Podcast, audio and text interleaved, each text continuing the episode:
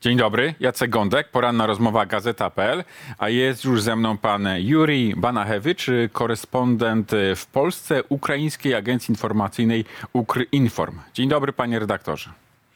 Dzień dobry panu, dzień dobry państwu.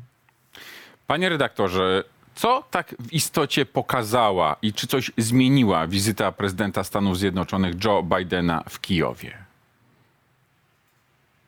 Wizyta pokazała moim zdaniem to, że Stany Zjednoczone e, jednoznacznie stawiają na, e, na Ukrainę, stawiają na, na to, że Ukraina nie tylko nie przegra w tej wojnie, co było taką faktycznie przesłaniem e, w, pierwszej, w pierwszym półroczu ubiegłego roku.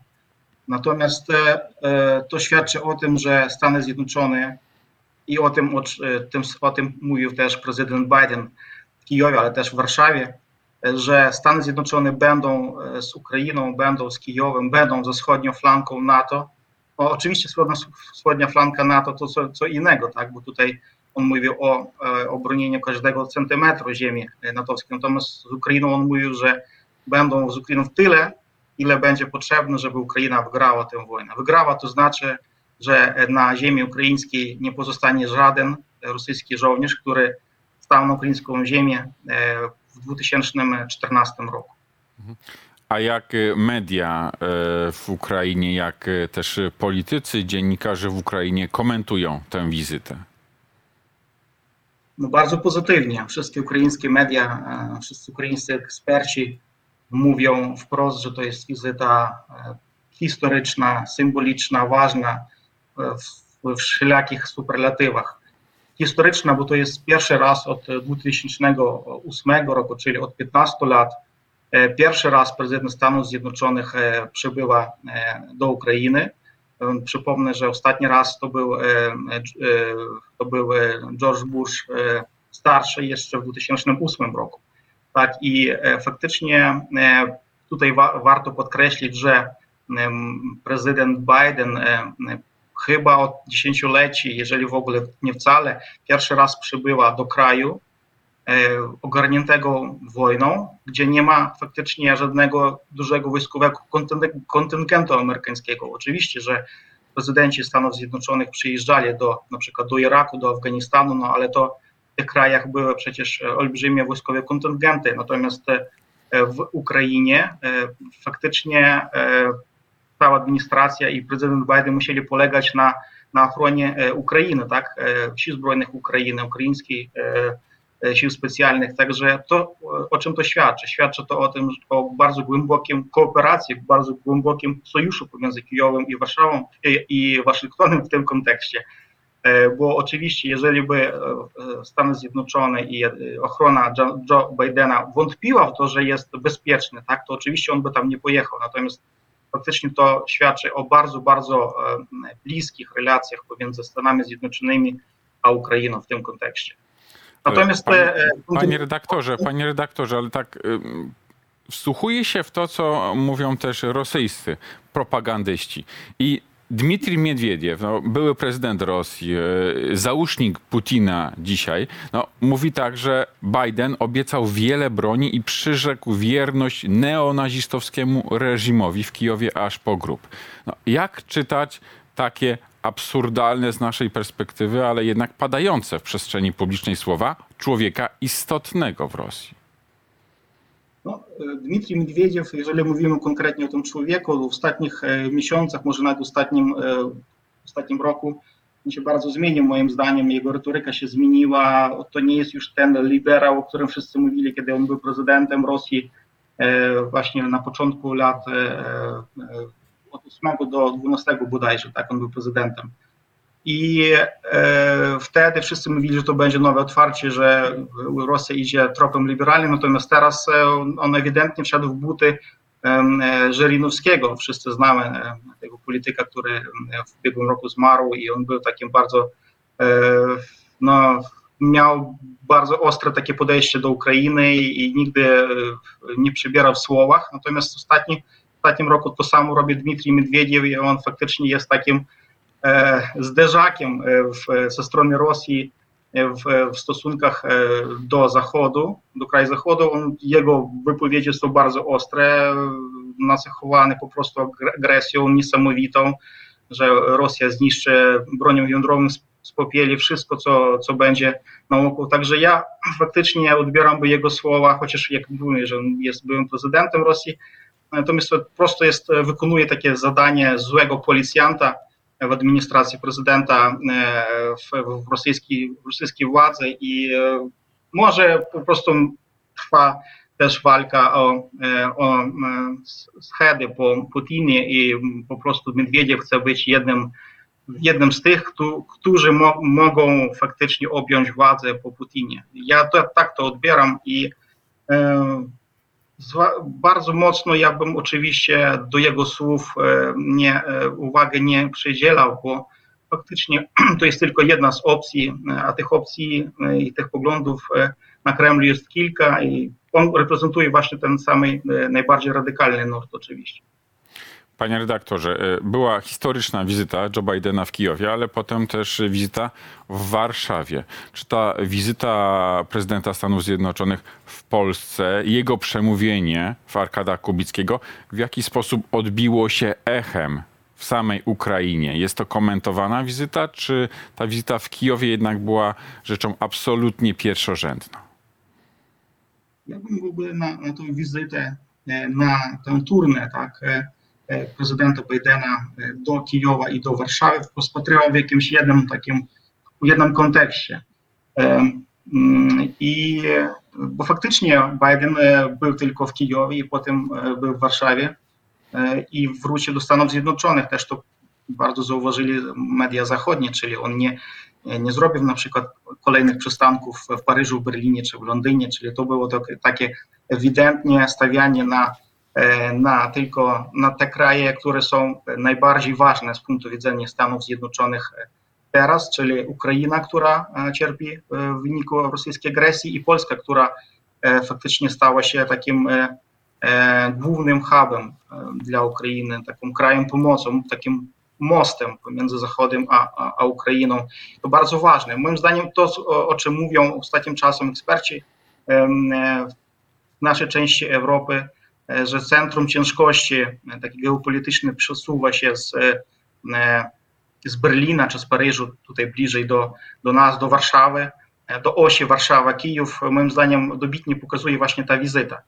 I odpowiadając na konkretnie na to pytanie, moim zdaniem w Kijowie prezydent Biden bardziej się skupił faktycznie na, na pomocy Ukrainie. On mówił o o, tym, e, o tej kolejnej, e, e, kolejnej pomocy wojskowej na, opływającej na 500, 500 milionów dolarów, czyli to pociski do HIMARSów, wyrzutnie przeciw, kompleksy wyrzutni przeciwczołgowych, przeciwlotniczych i tak dalej, czyli to wszystko, co wojsko ukraińskie teraz potrzebuje. No i oczywiście polityczne sygnały. On powiedział, że będziemy z wami tyle, ile będzie potrzeba. Natomiast w Warszawie Biden skupił się oczywiście bardziej na sojusznikach, czyli mówił o Polsce, mówił o wschodniej flance, na to, że będzie bronił każdego centymetra. Też wspomniał oczywiście o, Mołda o e, Mołdowie, Mołdawii, e, która faktycznie też jest pod presją i faktycznie zagrożona ze strony Rosji.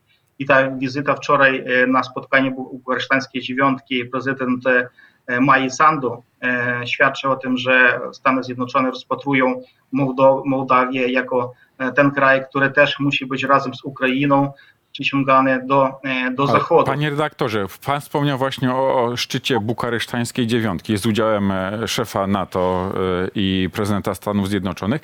W deklaracji tejże dziewiątki padają takie słowa, że oto zdecydowanie wspieramy euroatlantyckie aspiracje Ukrainy, czyli de facto aspiracje do wstąpienia do NATO ale nie jest to napisane jakoś tak bardzo twardo. Jest to wspieranie aspiracji. To nie jest tak, że oczekujemy szybkiego przyjęcia Ukrainy do NATO.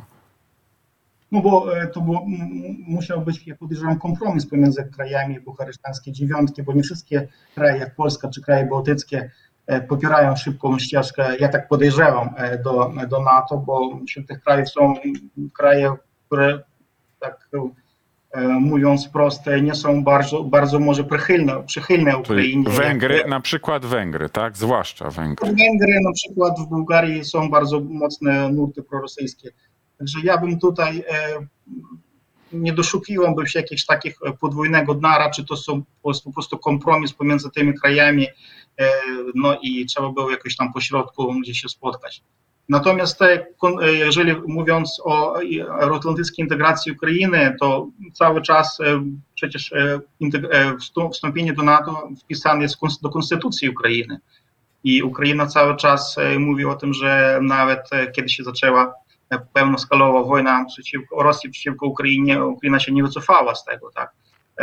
Kraje Zachodu zaczęli korygować tą politykę, mówić, politykę i mówić, że no, słuchajcie, nie ma mowy teraz o żadnym wstąpieniu do NATO, kiedy prowadzicie wojnę z gorącą wojnę przeciwko kraju zewnętrznemu, przeciwko agresorowi. No i wtedy się pojawił ten wariant pośredni na, te, na, na, na, temat gwarancji bezpieczeństwa dla Ukrainy ze, ze strony sojuszników, ze strony Stanów Zjednoczonych, Wielkiej Brytanii, Polski, Francji, Niemiec innych krajów, i, ale to nie wykluczyło faktycznie euroatlantyckiej integracji. To jest po prostu jako, jako, jako etap do, do, do integracji w NATO. W ostatnich miesiącach, w ostatnich tygodniach ja muszę powiedzieć, że retoryka władz ukraińskich znów się zmieniła. Częściej się mówi o, o wstąpieniu do NATO niż o gwarancjach bezpieczeństwa. To świadczy moim zdaniem o tym, że trwa dyplomatyczna też ofensywa, tak, która nie tylko ze strony Ukrainy, ale ze strony bliskich sojuszników, w tym Warszawy, krajów bałtyckich, Litwy, która będzie przyjmowała ten szczyt NATO w lipcu w Wilnie w tym roku. I żeby po prostu podczas tego szczytu w lipcu zapadła konkretna, konkretna już zapowiedź tego, że Ukraina stanie się członkiem NATO w jakiejś bardzo, bardzo no, Czyli, panie redaktorze, czyli y, rząd y, Ukrainy, prezydent Ukrainy oczekują na lipcowym szczycie w Wilnie, szczycie NATO, jasnego takiego zaproszenia do członkostwa w NATO dla Ukrainy. Ewidentnie, tak. Ewidentnie tak. Ja tak uważam. Panie redaktorze, ale póki co to chyba najistotniejsza jest broń. E, strona ukraińska cały czas prosi o tę broń, która ma zmienić sytuację na froncie, czyli Hajmarsy, ale o długim zasięgu, nawet 300 km, a nie tak jak teraz około 70 i też e, samoloty, myśliwce. Dlaczego tej broni cały czas nie ma w rękach ukraińskich? No to, to, to też proces negocjacyjny. Podejrzewam, że sojusznicy, których cały czas trzeba przekonywać do, do kolejnych decyzji, a przypomnę, że też te poprzednie decyzje co do przekazania Ukrainie na przykład, na przykład wyrzutni Patriot czy, czy czołgów Leopard Abrams, Challenger i tak dalej, czyli też zapadały, pamiętajmy, w bardzo takich trudnych tak negocjacjach, ale w końcu te decyzje zapadały. Tutaj podejrzewam też kraje Zachodu, zwłaszcza te bardziej takie strzemięźliwe jak Francja, jak Niemcy, oni się obawiają, że, że Ukraina może wykorzystać tą broń przeciwko samej Rosji na terytorium Rosji. Tak? No, Ukraińcy, ukraińskie władze, minister obrony niejednokrotnie, nawet podczas spotkania w Ramstein, czyli ministrów obrony krajów, które wspierają Ukrainy mówi, niejednokrotnie mówi i to powtarza cały czas, że Ukraina nie będzie tego sprzętu, które otrzyma od zachodnich sojuszników, tego zaawansowanego, które Pan wspomniał o na przykład o wyrzutniach, o rakietach do 300 km, że nie będą używane do, do no, zbombardowania terytorium Ukrainy. Faktycznie jeżeli terytorium Rosji, czyli ta broń byłaby używana wyłącznie do e, obrony terytorium Ukrainy, a nie do atakowania celów na terytorium e, Federacji Rosyjskiej. No tak, tak, taka jest zapowiedź e, władz ukraińskich i to jest, ja podejrzewam, że to może być takim kamieniem milowym, czyli taką gwarancją, że kraje zachodnie przekażą Ukrainie tą broń, czyli to może być tak, że Ukraina powinna będzie się zobowiązać, że nie będzie robiła tego. Chociaż oczywiście, że e, uderzenie na przykład na składy z amunicją na terytorium, na Rosji przy granicy z Ukrainą byłoby bardzo potrzebne, no bo tam są gromadzone największe, największe składy z, z bronią, z amunicją i tak dalej, które zniszczenie których powodowałoby, że Rosja po prostu straci straci pęd, tak i nie będzie już mogła no, przeprowadzać te ofensywy, przygotowywać się do tej ofensywy. Natomiast bez, bez tych samolotów F-16 i innych tam, nie tylko F-16, chodzi tutaj też o, o brytyjskie Tornado czy o szwedzkie Gripen, bez tych samolotów, bez wyrzutni z rakietami, które mogą bić na, na dłuższe odległości, no po prostu nie da się, moż, można utrzymywać pozycji, natomiast nie da się wyprzeć. Czyli to jest po prostu warunek niezbędny do tego, żeby wy, wycisnąć, że tak powiem, Rosjan z, terytorii, z terytorium Ukrainy, nie tylko Donbasu oczywiście, ale chodzi o Krym także.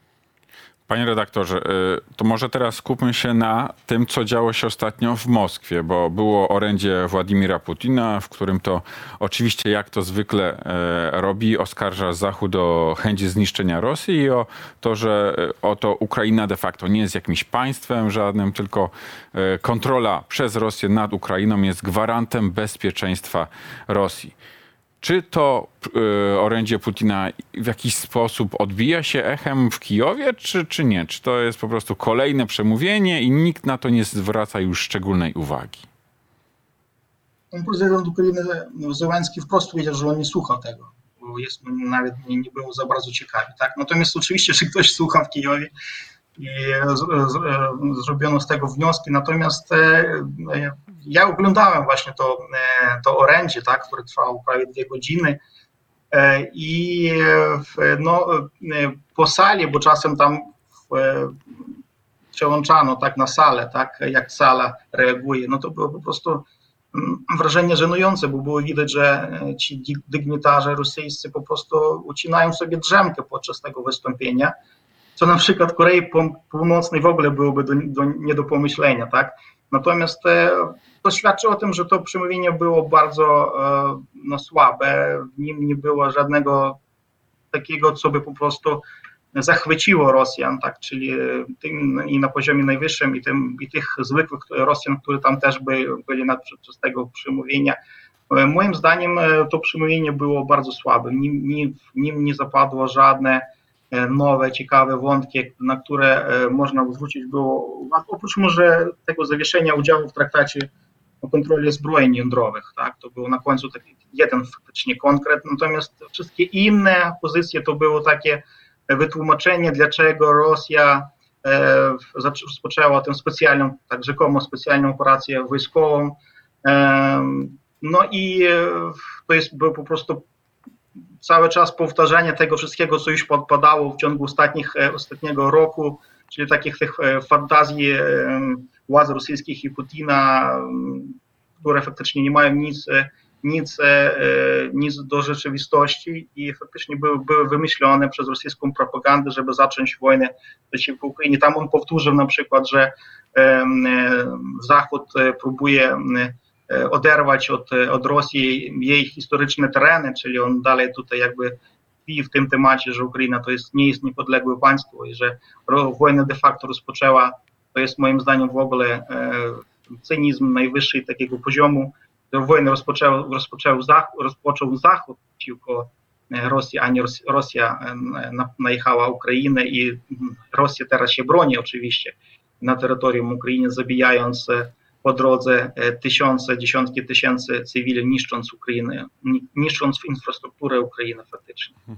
Panie redaktorze, ale po tym orędziu był też taki bardzo duży koncert na moskiewskich Łużnikach, e, koncert bardzo propagandowy i udział w tym koncercie na scenę po prostu wyprowadzono tak zwane dzieci Mariupola, czyli dzieci uprowadzone między innymi z Mariupola, przekazywane potem do obozów takich rusyfikacyjnych i potem te dzieci mają trafiać do rosyjskich rodzin. Proszę mi wytłumaczyć, jakim sposobem, jakim cudem takie barbarzyństwo jest w stanie się dokonywać cały czas na naszych oczach? No to, co my uważamy za barbarzyństwo w Rosji, uważają za, e, za błogosławieństwo moim zdaniem. Cynizm tutaj polega na tym, że e, bardzo często mm, te dzieci straciły po prostu w tych bombardowaniach rosyjskich swoich rodziców, czyli nie mają jednego albo obu rodziców. Faktycznie mm, ich pozbawiono dzieciństwa, szczęśliwego. Teraz oni trafią do jakichś rodzin zastępczych albo do albo domów e, jakichś tam e, e, dla dzieci i faktycznie tego dzieciństwa już nie, będą, nie będą mieli, będą mieli traumę na całe swoje życie. Wykorzystywanie instrumentalne tych dzieci to jest po prostu no, barbarzyństwem i cynizmem takiego bardzo, bardzo wysokiego poziomu, ale no, tutaj, że już szczerze mówiąc, ja bym się nie dziwił. Rosja gra, grubo gra poniżej pasa i wykorzystanie dzieci w, tutaj po prostu bez słów. Panie redaktorze, wszyscy w ostatnich w zasadzie miesiącach analitycy, eksperci mówią o spodziewanych ofensywach na froncie i tej rosyjskiej ofensywie i też kontrofensywie strony ukraińskiej. Czy ta ofensywa rosyjska, to ona się dokonuje teraz w zasadzie? Cały czas na nią czekamy? Jak, jak to w istocie wygląda? Co mówią eksperci też na przykład wojskowi, media w Ukrainie? No tutaj są dwa zdania, tak? Jedni mówią, że e, ofensywa e, tak naprawdę już się rozpoczęła, czyli ona po prostu nie ma, e, nie ma tej mocy, tak? Czyli Rosjanie po prostu próbują atakować na Donbasie, próbują przejąć Bachmut i inne miasta w Donbasie, żeby wejść na granicę, administracyjne granice Włododonieckiego. Im się to nie udaje. Oczywiście jest zafiksowane ostatnich gdzieś 8-10 dni, że te, te ataki wojsk e, rosyjskich bardzo zintensywniały i wykorzystują się więcej sprzętu, więcej pocisków, więcej artylerii i samolotów.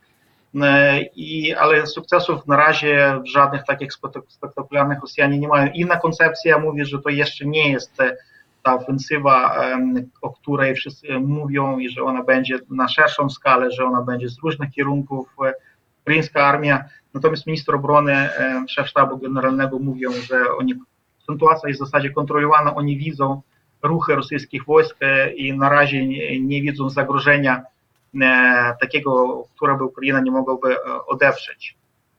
Natomiast o kontrofensywie, jeżeli brać to pod uwagę, to moim zdaniem i o tym mówił kilka dni temu minister obrony Ukrainy Reznikow, o tym, że kontrofensywę Ukrainy można oczekiwać w ciągu dwóch miesięcy na przykład. Nie wiem, czy jakie to konkretne terminy, tak, bo oczywiście o tym nikt nie powie, tak, natomiast podejrzewam, że te ostatnie decyzje, które zapadały i te, i te zapowiedzi, że na przykład ciągu tych, tego miesiąca, dwóch na, do Ukrainy trafi wielka ilość e, sprzętu, w tym czołgów, e, e, w tym tutaj muszę wspomnieć, że Polska obiecała do marca, czyli w ciągu miesiąca, półtorej, przygotować jedną brygadę zmechanizowaną dla sił zbrojnych Ukrainy, przekazać, będzie przekazane na pewno dwa bataliony czołgu Leopard i innych. Czy, to czyli będzie w takim taka... razie ta kontrofensywa ukraińska ma już y, zostać, być prowadzona z użyciem tego nowego zachodniego sprzętu, tak?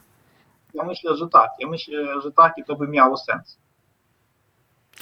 Stawiamy kropkę. Pan redaktor Jurij Banachewicz, korespondent Ukraińskiej Agencji Informacyjnej Ukrinform. Dziękuję panu serdecznie za rozmowę. Dziękuję bardzo. Do widzenia. Państwu również dziękuję i do zobaczenia.